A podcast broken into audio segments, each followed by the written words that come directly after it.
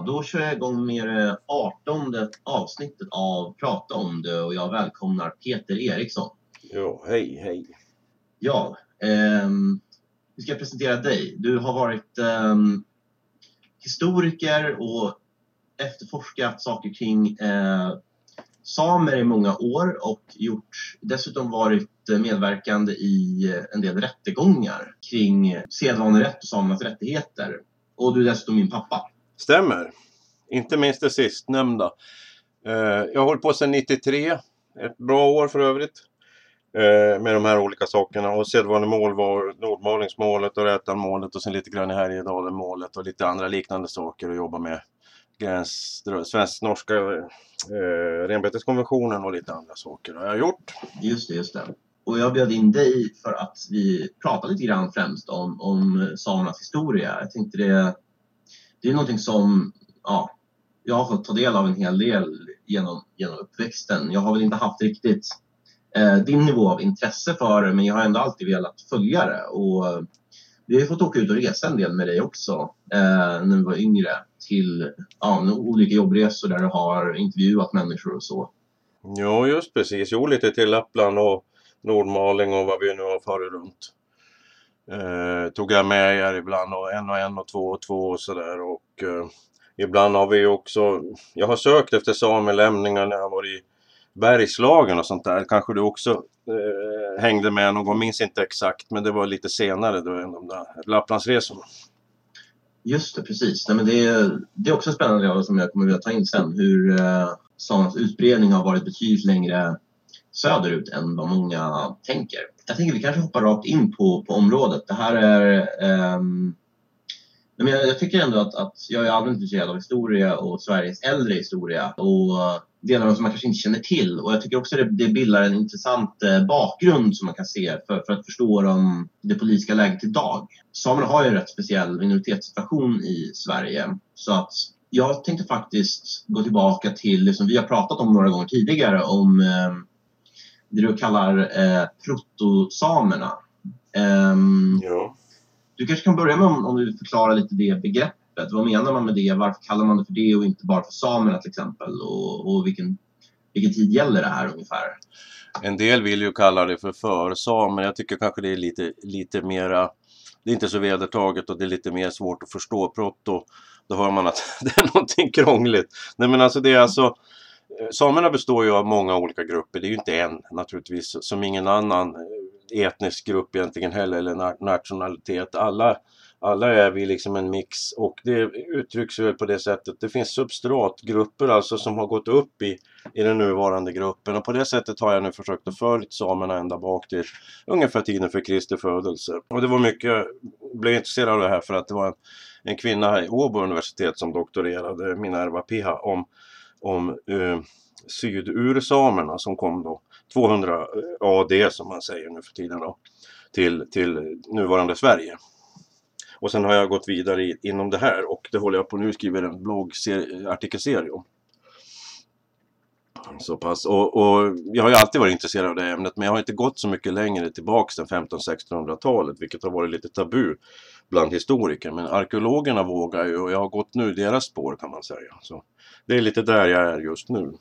Just det. Så man, man begreppet är för att göra en distinktion helt enkelt om att det inte riktigt Ja precis, det, det är en mix, det är inte, det är inte exakt samma eh, språk eh, och så som, som det är nu men det, är, det går att spåra en utveckling till den här gruppen.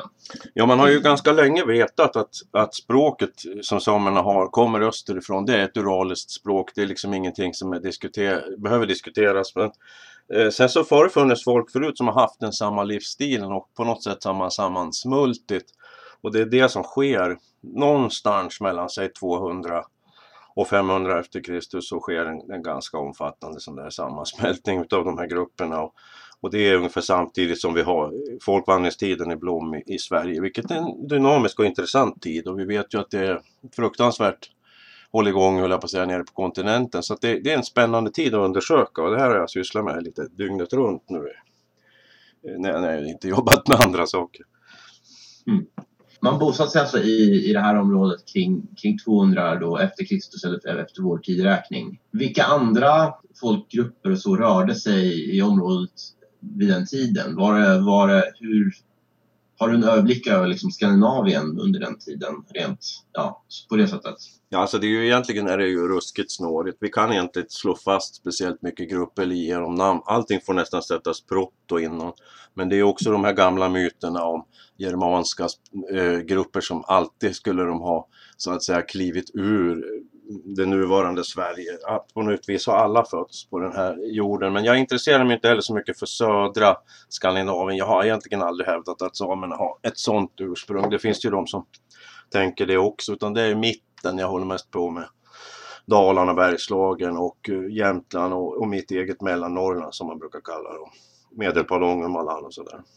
Eh, men det, det, är svårt, man får särskilja myterna från eh, så att säga, faktisk historia och det är ju en balansgång och det är ett fluffigt fält om man säger när man går i de romerska historikernas spår och så. Just det, det är också en sak som jag tänkt fråga. Vilken typ av källor och liksom data finns det från den här tiden? Eh, jag vet ju till exempel Eh, Tacitus, Tacitus eh, har skri, skri, skrev om Skandinavien. Men alltså så här, hur, hur hittar man de, de olika rönen om, om samerna eller protosamerna och andra folkvandringar härifrån? Ja, jag använder ju klassiska vägar, alltså fornvännen och sen de här eh, akademiska kanalerna som jag laddar ner avhandlingar på löpande band. Nu är det ju inte så hett ämne generellt med med den äldre historien. Det är ju på något vis begränsat. Vi pratar här om Tacitus eller hur man nu uttalar honom och, och, och Jordanes och, och, alla de här gamla kända namnen. Det gäller ju att, att, så att säga, relatera dem till varandra och jag skulle säga att det är en väldig massa tradering också från den första så att säga som det ofta brukar vara Tacitus man, man relaterar till. Men man får ju inte på något vis hänga upp sig allt för hårt i dem. Eh, sen får man jämföra med senare eh, kunskap och det har vi kommit till med åren också lite grann av de här östliga källorna. Så det, det, är ett litet långt område att, att, så att säga, utreda men om man sen i sin tur relaterar det till den moderna arkeologiska kunskapen så kommer man ganska långt skulle jag säga. Ja, just det, det är ett pussel mellan skrivna källor och utgrävningar och spår på det sättet. Ja, du, du, har ju, du har ju en gråzon och tittar vi sen på den första någorlunda seriösa världskartan som görs av munkar på eh, brittiska öarna år 1040 någonstans, The Cotton World Map, så har vi alltså som en liten blindtarm som, som kallas för eh, Skridefinn, alltså där skridfinnarna eller samerna håller till. Och det är ju hela Lappland, hela egentligen både Nordkalotten och Sápmi och eh, hela norra Norden. Och det är ju bara en liten, liten pluttklump. Så att det är ju den kända världen. Och de hade ju ingen aning om hur stort det var där uppe. Det visste man ju ännu inte vid Olaus Magnus tid egentligen. Hur stort Lappland var. Precis. Nej, det, det är proffs. Ja, jag räknar med att det är mycket inexakt vid, vid den här tiden. Då. Ja, och där, där, menar, där uppstår gråzonen och det är den man försöker fylla ut kan man säga. För att det, sen har vi en hel del arkeologisk kunskap men den kända världen tar slut ungefär just vid Högomriket som jag nu har ägnat mig åt en hel del. Och sen har vi då kvänerna som är halvmytiska och de finns ju vad jag förstår på ömse sidor om, om Bottenviken. Det är liksom ett annat område men det, det är ju gränsat till det jag håller på med.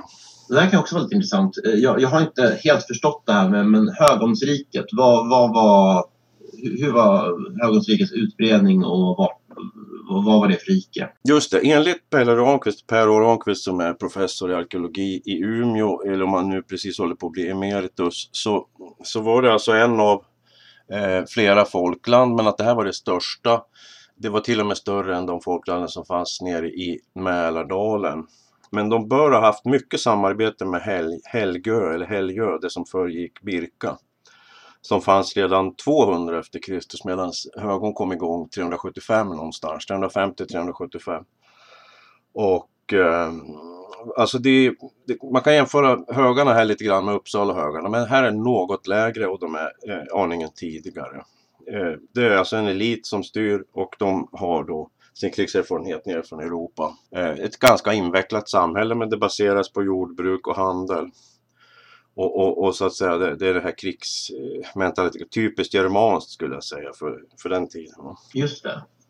Du sa högarna, alltså kring våra hemtrakter. Ja, det här är ju högarna då i Granlå i Selångens socken utanför, utanför Sundsvall och det var ju det gamla. Sen, sen kommer ju centrum i de här trakterna så småningom att hamna i Selånge vid, nedanför där kyrkan är. Eh, och sen har det flyttats runt. Det har varit Sjön och det har varit Timrå. Men man verkar ha alltså haft ett maktcentra där man har styrt över Jämtland som det sen kom att kallas då Hälsingland. Och uppemot Ångermanland också. Det motsvarar Västernorrlands län och Jämtland och även Gävleborgs län. Som för övrigt har varit en länsbildning i, i realiteten också. Det här XYZ-begreppet som vi gamlingar rör oss med när, när bilskyltarna hade bokstäver. Mm. Det, det här är ju nästan någonting, en politisk enhet som jag inte tror många känner till. Alltså som ett... Ja, man känner till att, att det var splittrat och inte, inte något enhetligt svenskt eh, rike riktigt på den tiden. Men, men att det Högholmsriket till exempel tror jag inte är som någon allmän kunskap. Nej, det är, inte Så det är inte så speciellt känt och kanske inte så roligt heller för jämtar att och, och, och prata om att de också då har legat under Sundsvall som är den stora satan som man brukar säga i Jämtland. Men alltså Mjälleborgen i Frösön byggdes 300 efter Kristus och sen brann den tre gånger och under den här tiden har den börjat då, på något sätt att börja lytt under Högomshövdingarna. Eller det har snarare varit då en kung i, i, i Högom. Och det här är en väldigt kort och intensiv tid. Det handlar framförallt om 400-talet. Kort och gott. Men, men det, är, alltså, det är också en, naturligtvis händelseutveckling inom det här och det är då de här äh, sydursamerna kommer och som, som jag ser det som en otroligt spännande tid. Just det. Känner man till någonting om då samernas interaktion eller relation till, till Högom och till, och till eventuellt kvänerna eh, eller andra? De har levererat järn och de har eh, lärt upp eh, och förmodligen, och min, och även om de tidigare människorna där kanske kunde eh, med järntillverkning så har de så att säga spetsat upp den och blivit bättre och producerat mer. Sen så händer det någonting under 400-talet, man, eller om det är slutet på 300, så börjar man att leverera mer järn från sydliga områdena till Ögon. Eh, hur- tusan man nu vet det, men jag, jag, jag litar på mina vänner arkeologerna. Och då kommer förmodligen som jag ser det en ny eh, kontingent migranter, eller vad vi ska kalla dem för, från södra Finland och som de här sydursamerna härstammar ifrån. Och sammansmälter på nytt och börjar på nytt och, och, och tillverka järn. Men sen så tar eh, pälsproduktionen fart och då, över, då på något vis tar den över mer och mer. Och det kan också ha att göra med det som händer från ungefär som tilltar under 200-talet att man handlar mer och mer med sydöst, så att säga, gamla Skytien. Eh, och folken som finns där var naturligtvis när Attila kommer, hundra, va, så, så, så verkar det som att handeln styrs mer och mer åt det hållet. Just det. Så man har ju en del föreställningar om samerna nu. Om man, om man gör sig en bild av liksom, säga, egenskap, egenskaper så eh, tänker man ju sig på, på nomadisk eller omflyttande Eh, tillvaro och rennäring till exempel. Hur mycket finns det egentligen gemensamt med, med protosamer den här tiden? Eh, alltså vet man, om, om vi tar till exempel järnbearbetning, så alltså det, det, vad, vad vet man om livsföringen? Ja, det är nog kanske inte så mycket som överensstämmer med den gängse bilden eh, av samerna och som då kanske också har, ska jag säga, chanserat och, och, och, och sjunkit. Den, man har liksom, de har fallit i folks ögon på något sätt men det är ju också en bild som inte stämmer med verkligheten. Det har ju alltid funnits en, en stor differentiering i, i den samiska världen, i det samiska samhället. Om vi tar professorn i etnologi som, som satt på 60, 70, 80-talen, Febe Fjällström, så skrev hon ju om samerna som medeltida mellanhänder och i handeln mellan Norska havet och, och Bottenhavet och även Vita havet. Och eh, det ska jag säga eh, stämmer i hög grad också, fast då på kanske lite andra väderstreck och, och, och rädder och ledder, eh, så är man också mellanhänder i, under folkvandringstiden och tidig järnålder. Jag ser dem som en sorts medelklass i det här, i det här samhället mellan de rena jäg, jägar och fångstmänniskorna och då eliten så att säga. Det finns också en elit i det här gänget och de kommer också rätt snart, vissa av dem assimileras. De är också klädda som, som eh, de här folkvandringstida eliten i Högom och på andra ställen. De har krigs, så att säga, attribut, de har svärd och, och, och sköldar och så vidare och de, de uppför sig så att säga som de andra, många av dem. Och det är klart att när man då med, med ökande välmåga så vill man likna de andra som är så att säga elit. Samer har ju för övrigt också, nu, nu är det lite off topic, men alltså de, de sägs ju ha haft kungar under medeltiden i, i de norra delarna också. Det, det kanske hänger ihop med det, men det är ju då det är ju syd, det är alltså nordursamer som vi pratade om då. Vi, nu, var ju, nu är ju mitt fokus de här sydliga. Vi, får vi särskilja lite. Mm. Jag kan kolla på den särskilja lite. Hur vad, gör man den? Det gör man både ursprungssärskiljning och geografisk särskiljning. Eh, hur, vilka områden var, var, var sydursamerna utbredda på och vilka nord, nordursamerna? Ja, syd kan säga från Mälardalen och upp till, eh, upp till eh, egentligen faktiskt till Pitesameskt område. Det gränsar ända uppemot egentligen Arjeplog ska syd, de sydliga ha brett ut sig och de nordliga kommer då en annan väg, de kommer landvägen. Och det är den stora skillnaden. Och sen någonstans där möts de. Men de, det skiljer rätt kraftigt på de här språkgrupperna också ska jag säga. Vilket gör mm. att, man kan, eh, att man kan märka en skillnad. Men sen så har man naturligtvis påverkat varandra i, moderna, i modernare historien och även i, delvis i äldre historien. Jo, jag antar att det här är en, en distinktion som, som är väldigt mycket större än vad man tänker sig. Det blir ju nästan som, jag vet inte hur jämföra eh, angler och saxare eller liksom två, alltså det, det, det, blir ju långt ifrån en enhetlig, eller liksom bara en, en geografisk skillnad i så fall. Ja men precis, det handlar ju om inmarschvägarna i hög grad och det är det som vi har förbesett förut. Man har alltid trott att sydsamerna har kommit norrifrån. Det blir en fruktansvärd skillnad om de då inte har gjort det. Och, och mm. Eh, nu har man ju också gjort sådana här spridda järnfynd i ett område man faktiskt inte har tillverkat järn. Det har jag läst jag bara här sista dygnet. Och det är där nere i Mälardalen, vilket då skulle kunna antyda inmarschväg för de här människorna också. Att det är de som har satt de här spåren. Och det intressanta är att det är precis samma utbredningsområde som sydsamerna visar sen i, i så att säga reell historisk tid. Då är man också nere i Uppland och Sörmland. Ungefär som att man hittar tillbaka. Jag har svårt att tänka mig att man ska ha varit där hela tiden men det återstår ju att titta på. Det är ju ingen som har forskat kring det, till exempel vikingatiden. Just det. Eller ingen ska jag säga, men det är ganska, ganska sällsynt forskning.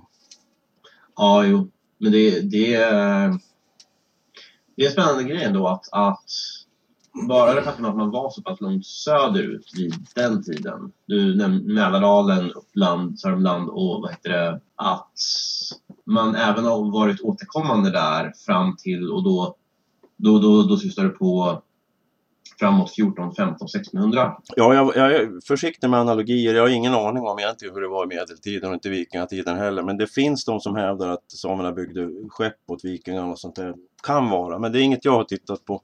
Men om vi säger att jag är väldigt försiktig med hela perioden 700 efter Kristus och till fram till 1500. Så, men sen 1600 då vet vi, men då är vi på säker mark. Då har vi samer runt överallt. Inte bara de som kungen har forslat dit och, och, och, och tagit med i beslagtagna renjordar och sånt där utan också eh, av sig själva så att säga.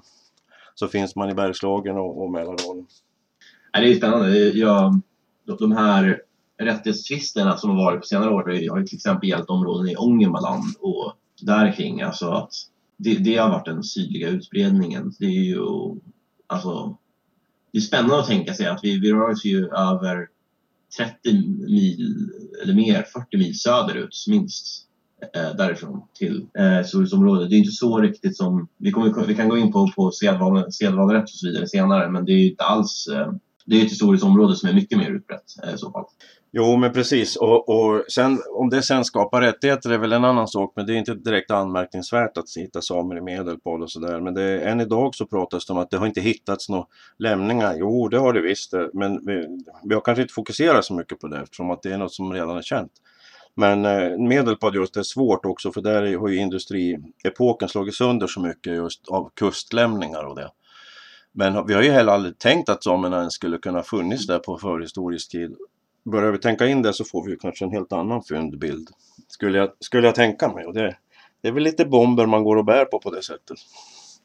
Just det. Ja, men det är, man, kan, man kan se det så sätt att, att eh, vi har protosamer, eh, syd och nord. Eh, vid tiden innan vikingatiden. Och vi har sen en, och, och den, den tiden är, är sämre med historiska records. Men sen så har vi eh, 1500 och 1600-talen då eh, vi både kan kolla på den sydliga utbredningen och det också börjar hända saker. Alltså, det är en grej som, som skiljer sig med de här perioderna. Att vi har ju inget svenskt rike på riktigt vid, vi 200 eller de århundradena efter Kristus alls egentligen. Eh, jag vet inte, hur kan man beskriva eh, det är också halvt off topic, men, men hur kan man beskriva det egentligen? Alltså, man började väl först prata, man pratade väl om svear och götar i princip och, och daner under vikingatiden och först om liksom svensk statsbildning, ja, men på, på riktigt liksom statsbildning kring Birger Jarl kanske. Och Ja. alltså, kanske kungar som kallades svenska innan, men inte alls på samma sätt en svensk stat som vi ser idag. Just. Men, men den däremot finns ju etablerad kring, kring 1500-1600. Det jag var nyfiken på var, ehm, då får vi en helt annan typ av, av relation mellan samerna och övriga i, i Skandinavien så att säga. När, när, när är det liksom meningsfullt att börja prata om Sveriges koloniala historia på det sättet? Ja, det är nog både, ska jag säga, enkelt och svårt. Vi har ju Aldegia Borg, alltså, eller senare Stara Ladoga, som åtminstone från någonstans 600 efter Kristus har gutar och andra skandinaver, så att säga, svenskar, eller om vi ska kalla dem protosvear eller något sånt där, finns då. Och det är ju tidiga rus naturligtvis också, som finns där vid Ladoga. Och jag skulle nog tänka mig att det är de som tar initiativ till de här skatteuppbördsresorna som sker och som är väl ganska illa beryktade som sker från Korela-området, alltså Karelen och, och sen uppåt eh, i den östra delen av Sápmi. Vi ska också komma ihåg att det finns ju samer, alltså halva Sápmi nästan är ju i Ryssland, i det som nu är Ryssland och hade en lång, lång stor östlig utbredning. Det är viktigt att tänka. Men sen när Sverige kommer igång liksom mer och mer på riktigt så, så har vi då, men det dröjer ganska länge när man så att säga införskaffar någon slags inflytande på det sättet över samen. Under ganska lång tid är det någon slags samexistens. Vi har ju, från Norge har vi de här skatteuppbördsresorna också som sker av Torulf, Kväll, Torulf på 870-talet. Det är ju rätt så känt. Eh, men det är lite röveri i samband med det där också. Så att det, det är lite, lite anarkistiskt läge och på något sätt så tror jag kanske samerna upplever som en viss trygghet när det kommer en re, rejäl, rejäl statsbildning och det börjar bli lagreglerat och sånt där. Det är nog inte bara det är nog inte bara en nackdel, har jag funderat lite på. Därmed inte sagt att jag försvarar kolonisering, inte så jag menar. Just det, men jag, jag hänger med. Jag, jag har inte tänkt faktiskt mycket på det på det sättet tidigare. Alltså att betrakta eh, under vikingatida och före tiden innan dess färderna i österled och så som, som kolonisering. Men det, blir ju, det är ju det i hög grad. Det var väl även det att när danerna eller vad heter det, från Norge åkte, när man åkte västerut. Jo, även om rättstryggheten kanske inte riktigt på samma nivå som vi är vana att tänka på det. Men jag tror att det var skillnad för det, det var mycket rövare och, och andra typer ute i skogarna förr i tiden. Utan tvekan så. Mm. Um, men, men sen så ersätts det av en stabilare svensk statsbildning som innebar mer um, ja, men mindre anarki helt enkelt, mer, mer uh, lagsystem men också så småningom mer, vad ska man säga, med, mer systematiska eh, framryckningar norrut och inskränkningar av samerna så att säga. Ja, och en hög grad av självständighet också ska jag säga, åtminstone i den svenska delen. Vi ska komma ihåg att vi också har Norge och Finland som i och för sig tillhör Sverige och sen har vi ryssarna som först är Novgorod. 1200, vad jag tänkte på, slutet på 1200, 1280 någonting har vi har vi birkarlarna som då är de som samlar in skatt och handlar med samerna där uppe i norr. Och eh, vad ska jag säga om dem då? Jo, men sen under flera århundraden så, så pågår det här eh, birkararsystemet, men man har också kungar eh, och krig, regelrätta krig mellan samer och andra folk där uppe. Så att det, är, det är en ganska invecklad situation. Den är både självständig och på ett sätt otrygg också. Under, under Kalmarunionen så ska jag säga så har samerna en, en ganska hög grad av, av självständighet och självstyre. Som de kanske längtade tillbaka till kan jag tänka mig också när det sen blev mera inordnat under nationalstaterna. Då. Då är jag med på att det här är ett, eh, man kan kalla det för, ur Kalmar unions perspektiv, lite periferiområde. Det är inte, det är inte, man, man så att säga lät eh, varandra vara i fred i största mån och det fanns och interaktionen var, var fredlig liksom i störst mån mellan och, och samerna hade liksom sitt område som inte blev speciellt inskränkt söderifrån förrän senare. Ja, nu tänker jag att i det här fallet på nordliga områdena och då Lappland och svenska Lappland. Tittar vi på Finland är det lite annan situation. När vi då har kommit till Erik av Pommern så börjar han sälja ut de sydliga samernas områden och de kommer ganska fort så att säga hamna på en nordlig bana och de finns alltså långt i söder i Finland till 1500 mitten på 1500-talet åtminstone och kanske något lite längre också. Men där, där är det lite hårdare bud och man på något vis eh, jagas bort mer eller mindre eh, mm. gradvis och även om det kanske inte är utsagt rakt ut i, i bokstavens mening så, så är det det som sker i alla fall. Man blir av med sina områden där i Savolax och så vidare. Just det. Det är också en aspekt av det att, att Finlands kolonialhistoria liksom under den tiden också är Sveriges kolonialhistoria. Alltså att inte bara att det var samma rike utan att det var från början Sverige som koloniserade Finland kan man säga. Att det, var, det var väl en slags korstågstid och bosättartid och att, att svenskarna i Finland de utgjorde en form av överhetsklass eller så. Eh, kan man, kan man beskriva det på det sättet? Det tror jag absolut att man kan göra men sen får man kanske komma ihåg att det var lite på mode och kanske vi var lite senare än alla andra som vanligt i Norden men 1220 så faktiskt pågår ett korståg i Småland där danskar och norskar är aktiva. Och endast eh, 17 år efteråt, 1237 någonstans, så, så bedriver man korståg i södra Finland. Och då har man förbjudit heliga lundar. Och det här är från självaste påven. Kommer det då en bulla att nu får man på något vis hantera samerna och finnarna. Eller somerna och, och, och, och lapparna hur som helst så att säga. För nu, eller jag vet inte ens om ordet lapp hade kommit då men det är någonstans där det börjar dyka upp det är också en, en, intressant historia som jag ska... Jag har en programserie på gång med Sameradion och jag ska ta upp begreppen där. Men det kanske vi inte ska fördjupa oss för mycket i nu. Jag är rädd för att vi fastnar i det. Men det är alltså en väldigt aktiv period och uh, redan 1100-talet börjar man ju kolonisera i Finland. Men det är ju mer regelrätta rövartåg som jag uppfattar det. Mm. Mer eller mindre. Men med kyrkans då välsignelse. Precis. Men sen så får vi gradvis Ehm, så att det, att det mer regelrätt inkorporeras i, i, i det svenska riket till slut. Ja, och odlingen framskrider ju så att de får jakta på sig helt enkelt. Och det, samerna försvinner i ganska rask takt. Så det, det, det där måste utredas mer. Det är ändå finländsk sanningskommission som också är på gång ungefär samtidigt som den svenska nu. Så måste man ju såklart titta på de här frågorna. Det finns mycket myter och så finns det en verklighet vi måste försöka hitta fram till. Ja, kanske, jag kanske får försöka hitta en länk senare och kan rekommendera när det dyker upp i Sameradion. Kul, kul att höra som komplettering. Jo men precis, ehm. jag tror det blir inte förrän till hösten för vi har skjutit på det. Det är så mycket här nu med Corona och sådär. Så, ja. ja, ja, vi får se. Uh, men uh, det är lite intressant med heliga lundar. Jag, stod precis, jag kom precis tänka på det här väldigt, väldigt ofta men, men jag minns inte om det hette Seiten eller så. Mm. Från, är, det, är det hämtat från, från någonting åt det hållet eller? Det... Ja, en seite det är ju en samisk helig sten oftast. Eh, det kan väl vara, en, seite kan väl också vara av trä men det är oftast man relaterar till de här stenfigurerna som man har till, till bett och då offrat till med renhorn förr i tiden och sen lite blod har varit inblandat säkert levande offer också framförallt djur då men i, det är också känt i äldre historisk tid och det här som, perioden som jag faktiskt pratade om att man har haft människooffer. Men sen om det har varit samer som har gjort det, men det har i alla fall samer har varit inblandade i människooffer till exempel i Levelukta på 500-talet. Eh, hävdar man åtminstone att, att samerna utgör en stor del av, av skelettoffren där. Men det, det, är också en stor och, och, svår fråga som vi kanske inte kan gå allt för djupt i. Nej, nej, men jag tänker mer men, men heliga lundar till exempel representerar mm. en form av ja, folktradition då som då förstås går stickstäv med kristendomen.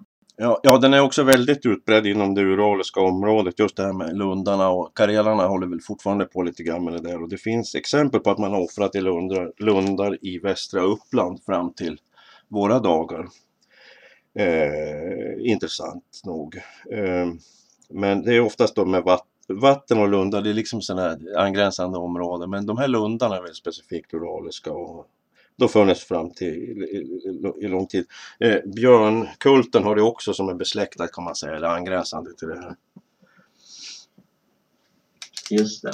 Jag bara funderade nu, jag har inte tänkt på det tidigare, men jag antar att det är att kristendomen är väl en, en hel del av det här koloniseringen eller vad, vad det är. Och vi har ju inte den är ju en missionerande religion på ett annat sätt antar jag än, all, än de flesta andra trosystem som fanns här innan. Alltså, nu har jag, jag lite koll på, på till exempel asatron och, och den tidens eh, mer liksom, kända religioner. Det, den bilden är väl mer nyanserad också än vad många tror. Alltså att det verkar ju som att det har varit mer ja, men just också folktraditioner som har skiftat ned från platser till platser ja, eh, och inte systematisk på samma sätt som till exempel kristendomen. Men, men att där har vi inte riktigt några...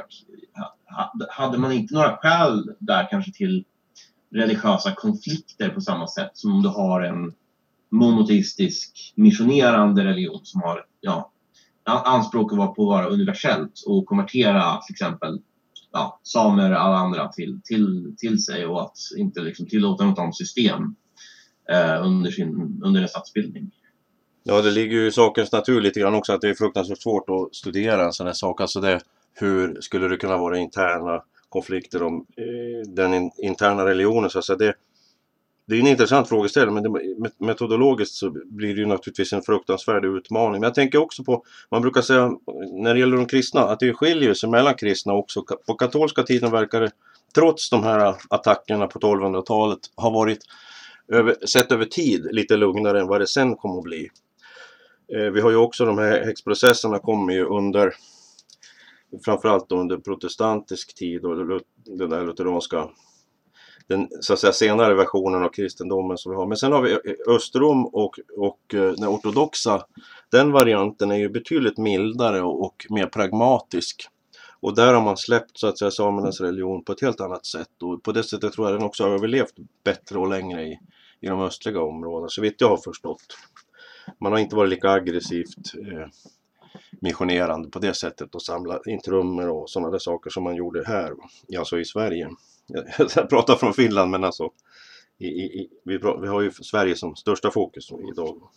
Mm, just det. Jag har varit inne lite på, på det där på religionsskillnader på sistone. Det, jag tycker bara det är intressant det här med hur man ser ofta till exempel protestantismen som en mer ja, individualistisk och från vårt perspektiv tänker man alltså då kanske att det blir um, en slags mindre strikt eller frihetligare variant än, än traditions och auktoritetsbunden som man så sett katolicismen. Men, men jag har också förstått att här var det mycket striktare under den protestantiska tiden. Alltså den var mycket mer krävande och eh, mer ja, inkvisitorisk. Ja, man ser ju det här, nu har inte vi pratat om någonting om det här, men när man tvångsförflyttade samerna 1600-1700-talet, framförallt bara på 1700, då skapade man ju det här sockenlappssystemet som innebar att en familj fick försvaras och skattskrivas och förses med en enklare bostad i socknens utkant i varje socken i området ungefär från Uppland och upp till till och med eh, Ångermanlands nordgräns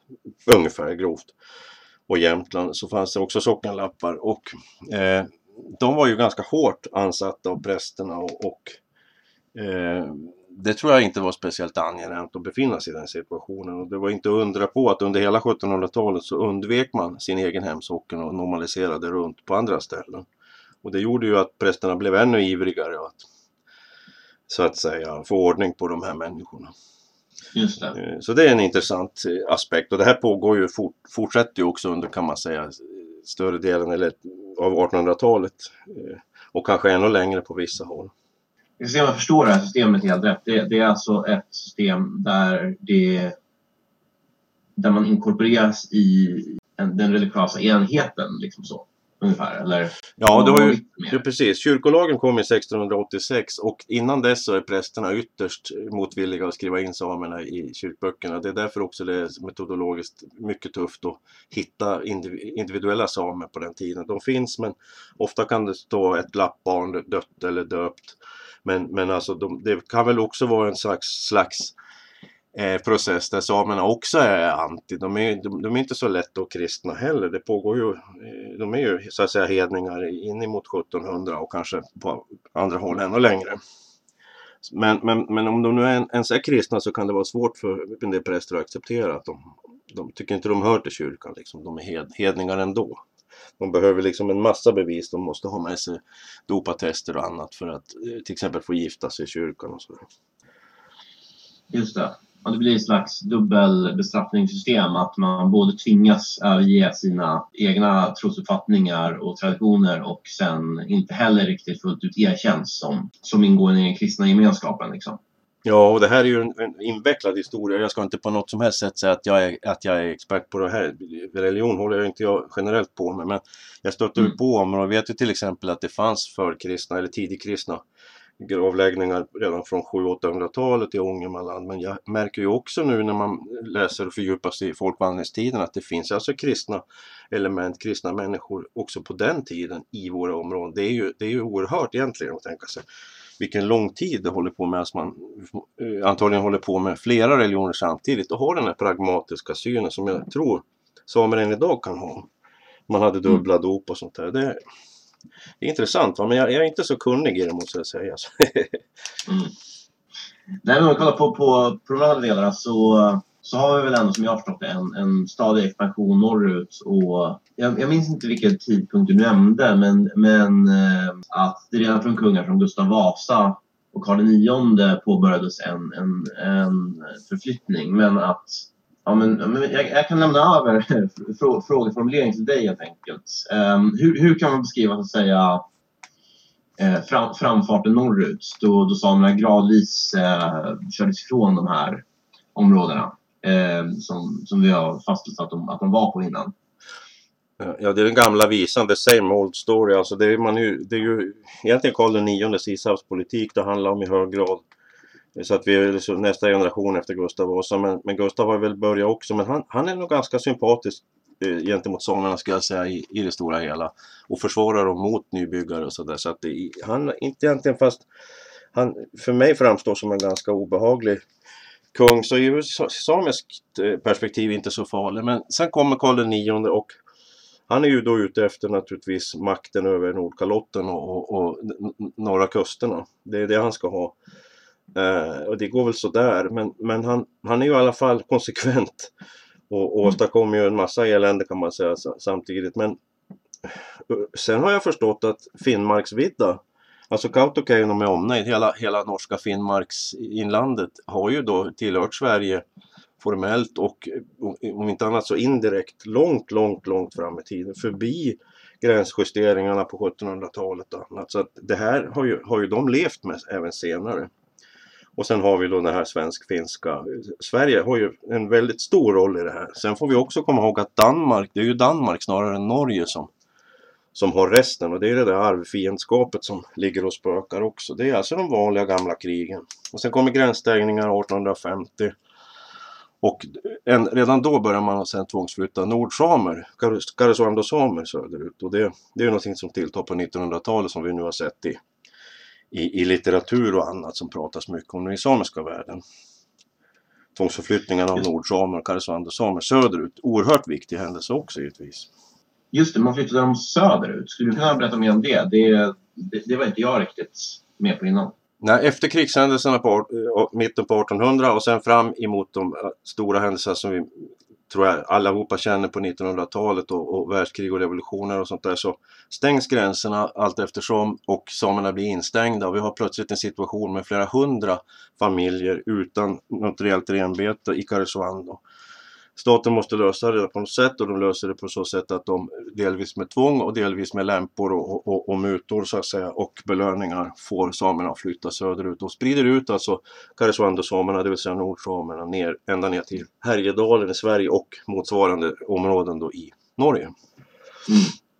Och det här är ju ett sår som aldrig läker så då blir, uppstår sen konflikter mellan nord och sydsamer som som är riktigt, riktigt såriga idag. Vi har det i Vapsten, har det fått eh, så att säga en riktig brännpunkt mellan, det finns det som heter Vapstens sameby och Vapstens lappby som är i konflikt med varandra. Samebyn har renbetesrätten och lappbyn menar sig att de, de ska ha den. Eh, så det är en, en direkt strid där och det finns andra konflikter på andra håll. Men det här, det här svider, men man kan förstå det när man tittar i, i den stora bilden, men på ett individuellt plan måste det vara såklart fruktansvärt.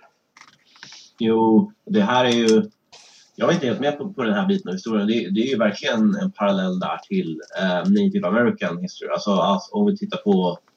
Jag tänker att den, den, den första liksom, bilden folk har av, eh, av kolonialhistorien är liksom att, att Sveriges gränser så att säga mer systematiskt flyttas uppåt och att man får ta mer aktiv kontroll över områden eh, från söder till norr så att säga och att samer körs från områden där. Men den här system, alltså, system, förflyttningen av hela folket söderut av nordsamerna, det är ju då, då, har vi verkligen liksom ett om, flytteri och pusslande liksom, som man definitivt antar kan jämföra med hur man flyttade ja, Eh, stammar, folkgrupper västerut och sen kors och tvärs under USAs eh, frammarsch västerut. Jo, naturligtvis minus indiankrigen, men det finns en hel, en hel del element av det här eh, Trail of Tears. Men då är det ändå det vi har pratat om just nu en västanfläkt mot för det de har varit med om i, i finska Lappland där, där de då har blivit inblandade i, i världskrigen och, och blivit flyttade eh, långt, långt fram i tiden. Och, och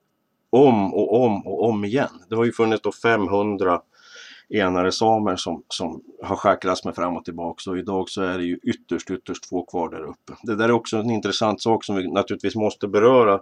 Utdöende språk, utdöende folkstammar. För bara 20-25 år sedan hade vi nästan inga sydsamisktalande människor kvar. Idag så har språket revitaliserats men Akkala samiskan dog för ett 20-tal år sedan, den som är längst i öster i Kola. Eh, och nu är nästa Kildin i fara, den som är i mitten på Kola. Och det är mm. bara några, få, några par hundra som pratar de här sista levande. Samma är det med Umeå-samiskan och Piteå-samiskan också. Det här borde man eh, göra mera larm omkring för det är ganska hemskt. Där. Naturligtvis det måste ha sin gång och så där, men på något vis så borde det kunna gå att stoppa. I fallet med sydsamerna tycker jag visade den faktiskt, den har fått en mycket starkare ställning nu sista åren. Just det. Är det för att det är hur kommer det sig att, att är det, är det liksom antalet som ingår i, som, som brukar språket som gör att det, det är livskraftigare? Eller hur kommer det ja, många har liksom tagit tillbaka språket och det är också en intressant sak när jag tittar på de här ur-sydsamerna. Jag gjorde en sån här eh, vad ska jag säga, en fiktiv eller fingerad eh, sifferberäkning. Hur många kan det vara som, som kom över eh, 200 efter Kristus och den eventuellt andra vågen? Jag, jag räknar med ungefär 200 vuxna varje gång. Och vi har alltså räknat med 500 samisk, sydsamisktalande människor för eh, ungefär för, säg 50 år sedan. Det är som en officiell siffra. Och den har varit konstant ganska länge. Men när jag räknar på det här och sen tänker att några assimileras, några dör och så tillkommer det folk och man sammansmälter så kommer jag ungefär fram till ungefär samma siffra. Det, det kan naturligtvis uppfattas som cirkelargumentation men jag, jag, jag, jag försäkrar att jag inte hade den där slutsiffran i huvudet. Men jag hamnar liksom på 500 i alla fall. Det skulle vara intressant om man skulle ha varit det under kanske över tusen år. En intressant tanke. Om det sen stämmer, men det, det, är lite fascinerande. Men det är inte så att de blir färre, men det är ju alla andra som blir fler. Just det, just det. Ja, och då, då blir det större, större pullfaktorer eller hur, hur kan man skriva det? Till, till ja, sen har du ju alla de här, för i Norge är det ju allra värsta, förnorskningsnivån är ju exempellös i, i Norge. Va? Det är kanske värst mot sydsamerna. Men, eh, det har ju varit fult att vara same, det har varit fult att prata så det är väl det här, det är väl den här trenden som har vänt. Den har, väl, den har jag väl se, se, sett vända lite grann under min tid bara. Har ju jobbat med sådana projekt också för att samer ska kunna så att säga, vara stolta över sitt ursprung. Och så det har ju varit fint att få jobba med det. Även om då vetenskapen har alltid varit högst i kurs. Mm. Um, det har alltså varit assimileringspolitik på, på flera håll. Ja, ja visst. Eh, men det har, där har ju också böljat fram och tillbaka över tiden. Men 1900-talet har ju handlat mycket om det. Eller åtminstone från, från, eh, jag vet inte exakt när det där började svänga, men, men eh, från 1920 och sånt där. Så är det ju det som har varit i fokus. Just det. Och sen så finns det en vändning där också då man har gått över till att ha aktiv minoritetsstatus och um, snarast liksom vill officiellt liksom bevara i alla fall den, de, de som finns kvar. Jo, det är ju liksom lite invecklat också. Man får följa den moderna historien som också är intressant. Men vi har ju de här politiska skiljelinjerna där, jag ska inte säga vänster, men Socialdemokraterna håller mycket på med minoritetsaspekterna som väl är vällovligt på många sätt och det är, det är så att säga jämlikheten som ska vara, vara i fokus. Och det hade väl sin relevans kanske på 1950-talet när samerna inte ens hade bostäder att vistas och vara i men idag är det väl kanske inte det som är det hetaste. Nu handlar det ju mer om, om eh, vad ska jag säga, exploateringar, ingrepp i samiska områdena som man, som man behöver få hjälp att få stopp på. Det är väl det som är nu ska inte jag göra mig till någon uttolkare men jag vågar säga att det är en av de stora frågorna, skogsbrukets framfart och vindkraften och sådana här saker. Just det. Det är lite invecklat. Alltså egentligen så har jag förstått det som att, det där är lite, lite allmänpolitiskt, men, men att äganderätten i Sverige så att säga egentligen är ganska svag. Alltså att så länge det finns politiska beslut på det så kan man göra olika ingrepp och exploateringar lite var som helst. Och att vi inte har liksom ett starkt ägandeskydd, alltså från att du behöver samtycke från de som, som brukar eller äger områden eller mark. Och det får följder för, för samer på samma sätt, antar jag. Alltså att vi har men vi ska prata lite grann kort om sedvanerätt också, men att, att den så att säga, räddar områden från att bli, bli exploaterade nödvändigtvis. Ifall vi vill sätta upp liksom en jag vet, vindkraftspark eller bygga en gruva eller, eller så.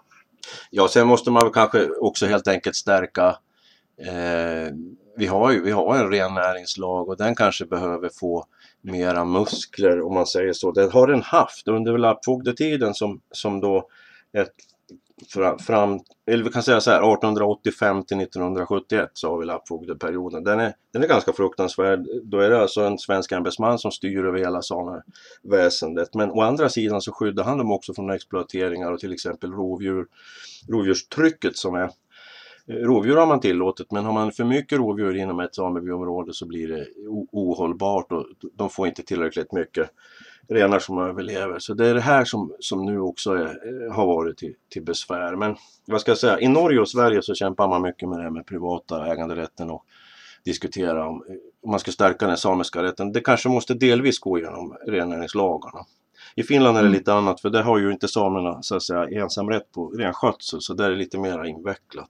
Eh, så då har man då ett sydligt område där man har icke-samer som bedriver renskötsel.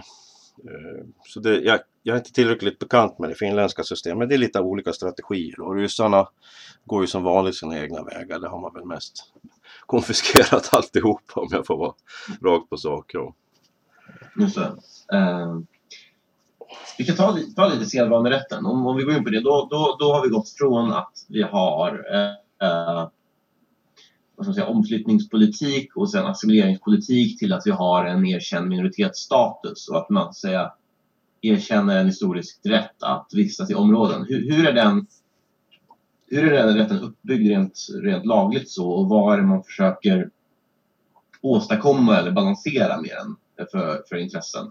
Jo, nej, det, om, man har då, eh, eh, om man är fastighetsägare i norra Sverige så har man då alltså ett servitut förbundet i, i de fyra nordligaste länen som, som är renskötselservitut. Det är så att helt enkelt överallt har man rätt att bedriva renskötsel. Det är det enklaste att säga. Sen finns det områden man kan tvista om i alla fall. Men det här har stärkts på senare tid. Sen har vi någon som kallas för ILO-konventionen som, som skrevs och uppdaterades 1989. ILO eh, 169 heter den väl. Och det är då eh, att, rätt att ge alltså säga, befolkningen rätt att vistas och så vidare. Men sen har vi alltså i, den här, i de nordiska lagfigurerna så är, är det här med servitutet otroligt inarbetat och sen gammalt. Har man då eh, förvärvat en sån här sorts sedvana så är den väldigt svår att bryta. Praktiskt taget omöjlig. För en, naturligtvis så kan det ju upphöra men det här har stärkts också i och med Nordmalingsmålet som jag var med i själv mellan 2000 och 2011. Domen kom den 27 april 2011, Högsta domstolen och där, där stärktes samerätten och det är inte alla som vet det. det är hela, över hela Sápmi, eller svenska delen av Sápmi så har det här stärkts oerhört. Att man då eh, man kan ha ganska långa uppehåll och ändå få bibehålla det. Tidigare så, så förlorade man rätten efter 30 år obönhörligt. Men så är det idag alltså inte längre. Mm, just det. Ja, men det är så, så du, du har en form av, det är baserat på en form av belägg för en historisk närvaro och den leder då till eh, ja, men, renskötselrättigheter som då inte annars finns per automatik så att säga. Du kan liksom inte du kan inte bedriva rennäring genom allemansrätten eller motsvarande vart, vart du vill men du kan göra det ifall den här finns plats. Ja, det måste ju finnas någon form då av sån här hävd eller, eller sedvana. Och det är därför det kanske inte är lika självklart att fastän också Gävleborg egentligen ska ingå i det här så kanske du inte kan plötsligt eh, ramla ner med flera tusen renar i Ockelbo och säga att jo men här har vi varit. Ja, möjligtvis men det är inte så självklart för det är så länge sedan sist. Va? Där handlar det om flera hundra år. Eller ja, hundra år. Men att det, det glesar ju ut sig tidigare där i söder. Så, så var det ju. Men, men det var intressant att få vara med och jobba med det där målet i alla fall. Och vi jobbar ju på ett annat sätt och det var därför samebyarna vann. Det var Ran, eh, Vapsen och Umbyn.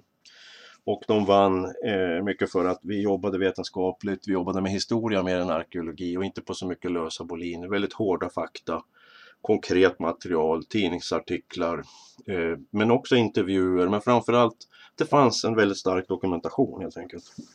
Mm. Och ni kunde belägga samisk närvaro och renskötsel i en, ja, vilken, vilka tidsperioder var det ni tittade på för att, för att få fram belägg för den här? Ja, det var jag också med och styrde rätt mycket. Alltså, vi började ganska sent, så är vi säkra på, på det vi håller på med. 1822 började jag sätta ner foten där och sen så var det framåt. Och då var det, då var det väldigt konkret och väldigt så här, lätt. Jag höll på, som sagt på 11 år, men, men i den första omgången höll jag på ungefär 5 år. Och det var fem års forskning. Man hinner ganska mycket på den tiden. Men det var mycket att ta reda på också. Sen var det de här luckorna som vi skulle faktiskt fylla ut och se, fanns det ingenting då? Och i någon lucka höll jag faktiskt på ett par år och försökte täcka så att det var, det var ingen, ingen promenadseger om man säger att vara med i det där. Jag höll ju väldigt mycket så styvt på min eh, objektivitet också ska jag säga. Det var inte alldeles lätt hela tiden. Mm.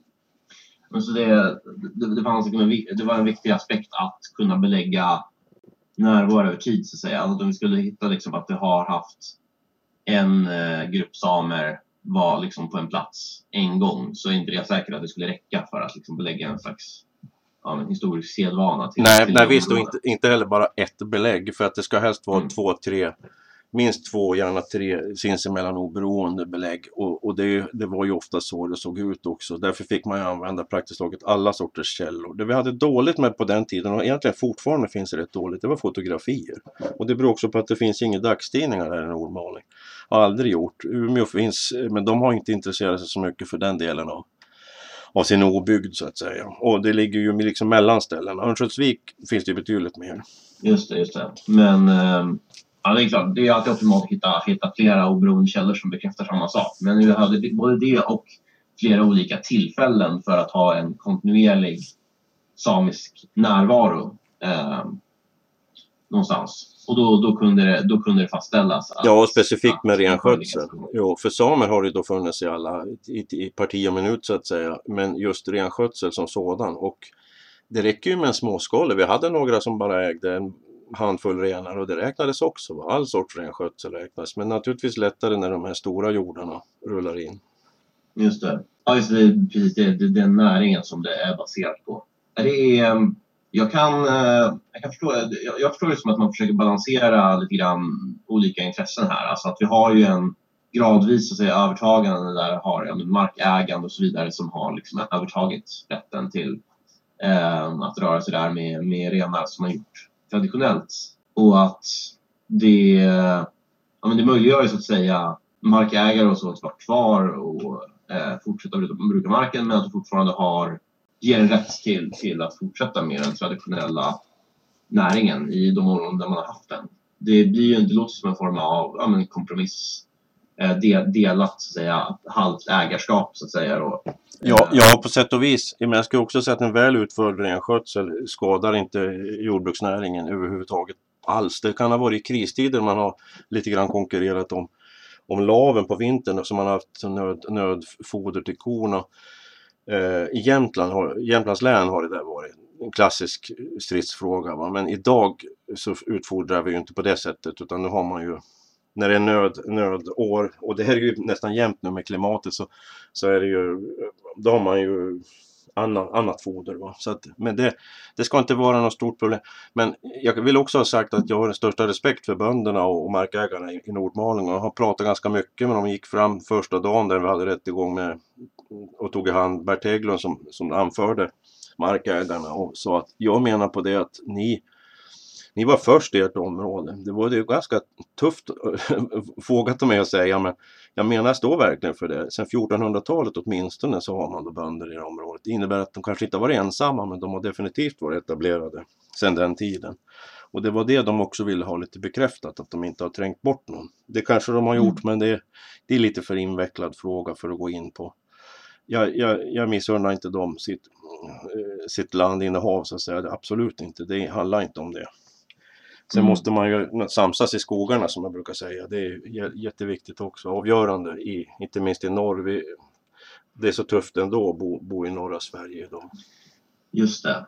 Jag tänkte fråga det, det, kan, det blir kanske lite kontroversiellt då, men hur det kommer sig att det har funnits så pass mycket motsättningar när, om det inte behöver så att säga vara en stor konflikt, men det kan alltså så att säga ha trissas upp lite av det, alltså att det blir någon slags konkurrerande narrativ bara, men att det inte behöver finnas en så, så stor liksom, materiell eller praktisk motsättning mellan markägande och renskötsel. Det skiftar ganska mycket över tid skulle jag säga. Nu har vi fått in ett parti i Sveriges riksdag som, jag kanske inte behöver nämna vad det heter, men som hetsar väldigt mycket mot samerna. Och det, sista åren så har det här eh, tyvärr fallit helt åt fel håll. Och det, det gör mig både oroad och bekymrad och, och, och, och, jag vet inte, nästan lite deprimerad. Jag hoppas att det här kan svänga för att det, det är tufft när det finns några som på något vis använder mycket stor del av, av, av sin tid åt så att säga hetsa mot en, en inhemsk, då, ett urfolk så här. Det, det är inte bra. Det beror mycket på okunskap skulle jag säga, helt och hållet. Just det, men eh vi kanske kan ta det uh, lite grann. Jag, jag tänkte vi börjar närma oss avrundning, men jag, tänkte, jag är lite intresserad av, vi, vi, du, du, nämnde lite grann innan om uh, hur perspektivet på, på uh, samerna har, och historien har skiftat och också att det finns fortfarande kanske lite olika narrativ på hur, hur, hur den här historien har gått till på, på samernas situation. Vilka perspektiv, vilka olika perspektiv har funnits liksom och hur har, hur har det skiftat? Jo, vi har ju den här eh, jag ska säga, norska Yngvar Nielsen som var geograf och historiker och eh, kom med sin eh, ökända, ska jag säga, framrycknings eller främryckningsteori som då innebar att samerna skulle då, samerna i söder speciellt skulle vara sentida eh, att de skulle ha kommit i sen tid eh, och tagit plats någon gång på 1600 eller vad de hittar på. Det där i stort sett gripet ur luften och baserat på, på en del märkliga slutsatser utifrån till exempel var, var man har inkasserat skatt och hur, hur bilkarlarna spreds. Bilkarlarna kommer från Finland. Varför skulle de ha varit i, i, i sydsamiskt område i Sverige och Norge? Det är ju det, det, har ju ingen som helst relevans egentligen. Så, men det, det här har man motbevisat sedan många gånger tillbaka. Men det, det är väl liksom lite kvar i både Sverige och Norge den här uppfattningen. Då. När jag nu pratar om att eh, ur, sydursamerna kommer från södra Finland så är det många som ruskar på huvudet. Men det är ju inte ens jag som har kommit på det utan det här är ju liksom vedertaget och nu har det då slagits fast ytterligare en gång i den här avhandlingen som kom här i slutet på november förra året. Eh, men det finns den uppfattningen att samerna kom i sen tid och att de liksom inte hör hemma i Fennoskandia, vilket, vilket ju givetvis är nonsens. Och sen så har du då en annan eh, pool i det här som, där man hävdar att samerna har funnits i 10 000 år, det är samma folk, de är helt oförändrade, det är liksom någon slags eh, etnisk och, och antropologisk eh, unik grupp som är helt oblandade. Det är ju om, om möjligt ännu mer absurt. Eh, och sen så har, försöker man då kanske orientera sig någonstans mellan de här polerna, vilket i och för sig är ganska lätt eftersom de är så extrema. Mm. Men det, det, är väl i, i, stora drag, i väldigt grova drag, det, den bilden vi har haft. Just det, att du har alltså bilden av att ja, men det är egentligen så ja, samerna så att säga har till liksom, antingen perifera områden av Skandinavien eller inte alls Skandinavien. Eh, att det bara är på senare tid som, som man har rört sig där och att det så att säga egentligen är eh, ja, svenskarnas land eller skandinavernas och att då blir det en slags ja, då, och ur den synvinkeln blir då alla, alla historiska rättigheter och så vidare överdrivna. Eh, Medan du har, jag vet inte, motsatsen, någon slags eh, samiskt urhem liksom. Alltså obruten 10 000 års historia. Jag, jag förstår ungefär. Det känns ju ändå som att de här bilderna har varit jag tänker att om man inte själv är historiker eller, eller liksom djupt intresserad så har man väl en ganska enkel bild av olika händelseperioder och då är det här, ja men, då har det säkert varit rätt vanliga ungefärliga bilder av hur det har varit. Ja, jo, jo det, det är liksom med den här Eh, jo, sen har du också till exempel Sydsamerna har sin egen skapelseberättelse. Vi, vi står här och pratar, nu är det också Kalevaladagen i Finland. Det är en finländsk skapelseberättelse som är nog så viktig, eller fin, det finska folket så att säga. Eh, och samerna har haft, till exempel sydsamerna säger här har vi alltid varit och det, det pratar Johan Torio också om som är den första samiska författaren på nordligt område. Han kom där från Kiruna-trakten. Eh, och jag vet inte om det jag säger delvis bryter mot det här språket kommer från ett annat håll, men det är ingen hemlighet och vi vet att riktigt länge också Men språk och folk är ju olika storheter. Det gäller att komma ihåg det. det brukar, när jag föreläser brukar jag alltid stryka under och trycka på det. Det är väldigt viktigt för vi glömmer bort det hela tiden. Irländarna är ett praktexempel. De skulle knappast vilja bli kallade för engelsmän för att de pratar engelska. Uh, inte så gärna. Men, men eh, sen så finns det många som kan keltiska men du är fortfarande irländare om du inte kan, kan det. Eh, du är nog fortfarande kelt också har en känsla av. Men, men det är, du har det objektiva elementet och det subjektiva när det gäller etnicitet. Och idag har vi mycket det här wannabe-syndromet också. Att det är lite fint att vara same. Man kanske ska se om man hittar någon samisk förfader som man får kalla sig för same. Men det, det är inte riktigt okej okay heller. Menar jag på. Det, det, blir inte rätt mot samerna. Om, om alla, eller den som vill, får kalla sig för samer. Just det, just det. Så om du inte har, om du kollar historiskt och så inte har språket, då går man på andra saker. Då går du på, på ursprung eller på eh, livsföring eller hur? Ja, de där definitionerna. Vi har ju sametingskriterierna. Det, det ska vara de ska ha talat samiska eller bedrivit renskötsel tre generationer bakåt eller i hemmet hos din mormor och morfar, farmor och farfar. Mm. Eh, vilket kanske är lite löst, men om man nu har det, då har man den kopplingen i alla fall. Eh, men sen kan ju inte, ska ju inte folk utifrån komma och säga att nej, för det är inte du same. Men när det sen är tio generationer bakåt, då kan jag känna att då, då reser jag ragg i alla fall. Det, det, är inte min sak, men jag känner att det tar emot i alla fall. Jag får ganska många sådana förslag på släktforskarjobb. Jag brukar numera tacka nej, för jag ser att det här kommer inte gå liksom. Ja, jag fattar. Nej, men det är väl lite så här också skillnad i antar jag, definition och, och metodologi. Alltså, du kan väl fortfarande se samiska som en indikation, men att det inte är samma sak som att vara same. Det kan vara ett kriterium, det kan vara en etnisk markör, absolut. Och det är ju så att, jag menar, visst sammanfaller de ofta, men det jag menar är att de måste inte göra det. Och till exempel, mm. vi har då en, en uh, finländsk uh, språkhistoriker som heter Mikko Koheikkilä, Mikko Kalevi Heikkilä, sitter i Tammerfors universitet och han menar på att i, i norra Finland, eller hela nuvarande Finland talade man samiska mellan 200 efter Kristus, eller jag vet inte exakt nu, men säg eh, folkvandringstid och järnålder. Sen från vikingatid och fram så gick de över till finska. Och då pratar hela, då inte hela Finland, men åtminstone hela norra halvan pratar man finska. Det kan man se spår av idag också. Det finns inte nästan ett förutom Österbotten så är det liksom, det är så finskt i norra Finland. Och, och, och ända upp i Norge faktiskt. Eh, så att för språk eh, vad ska jag säga, språket kan expandera på andra sätt och det är också viktigt att komma ihåg vad enormt utspritt det sam, de samiska språken har varit och är.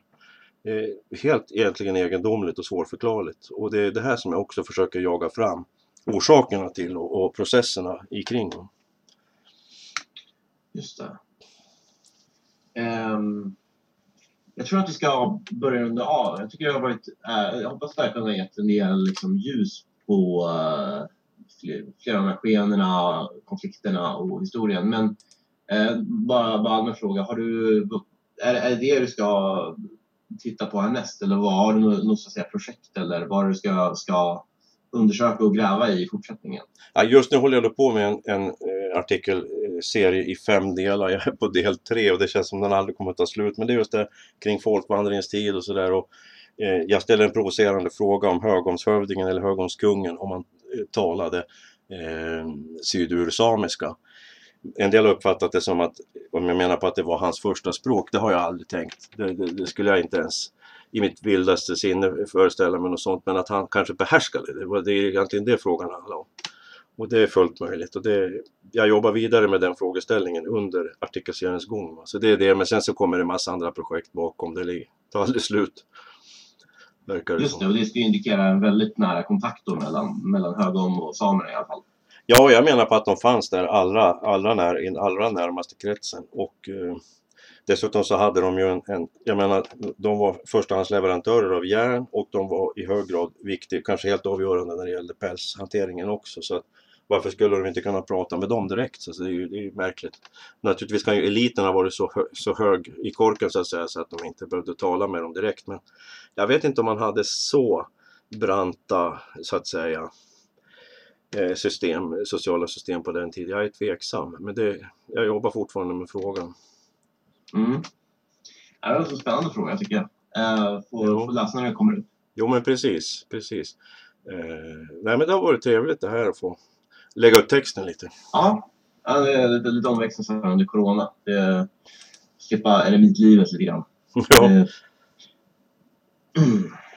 jag får se om man kan, man kan ta sig över och hälsa på igen i Finland eller Sverige. Det, det, verkar, det verkar svårt ett tag framöver. Ja, den här nu månaden vi står inför mars verkar tuff som tusan. Men sen kan man hoppas att de här nedstängningarna kanske resulterar i, i förändringar. De här nya, nya mutationerna verkar ju vara besvärliga annars. Ja, nej, jag hoppas att, att de kan hantera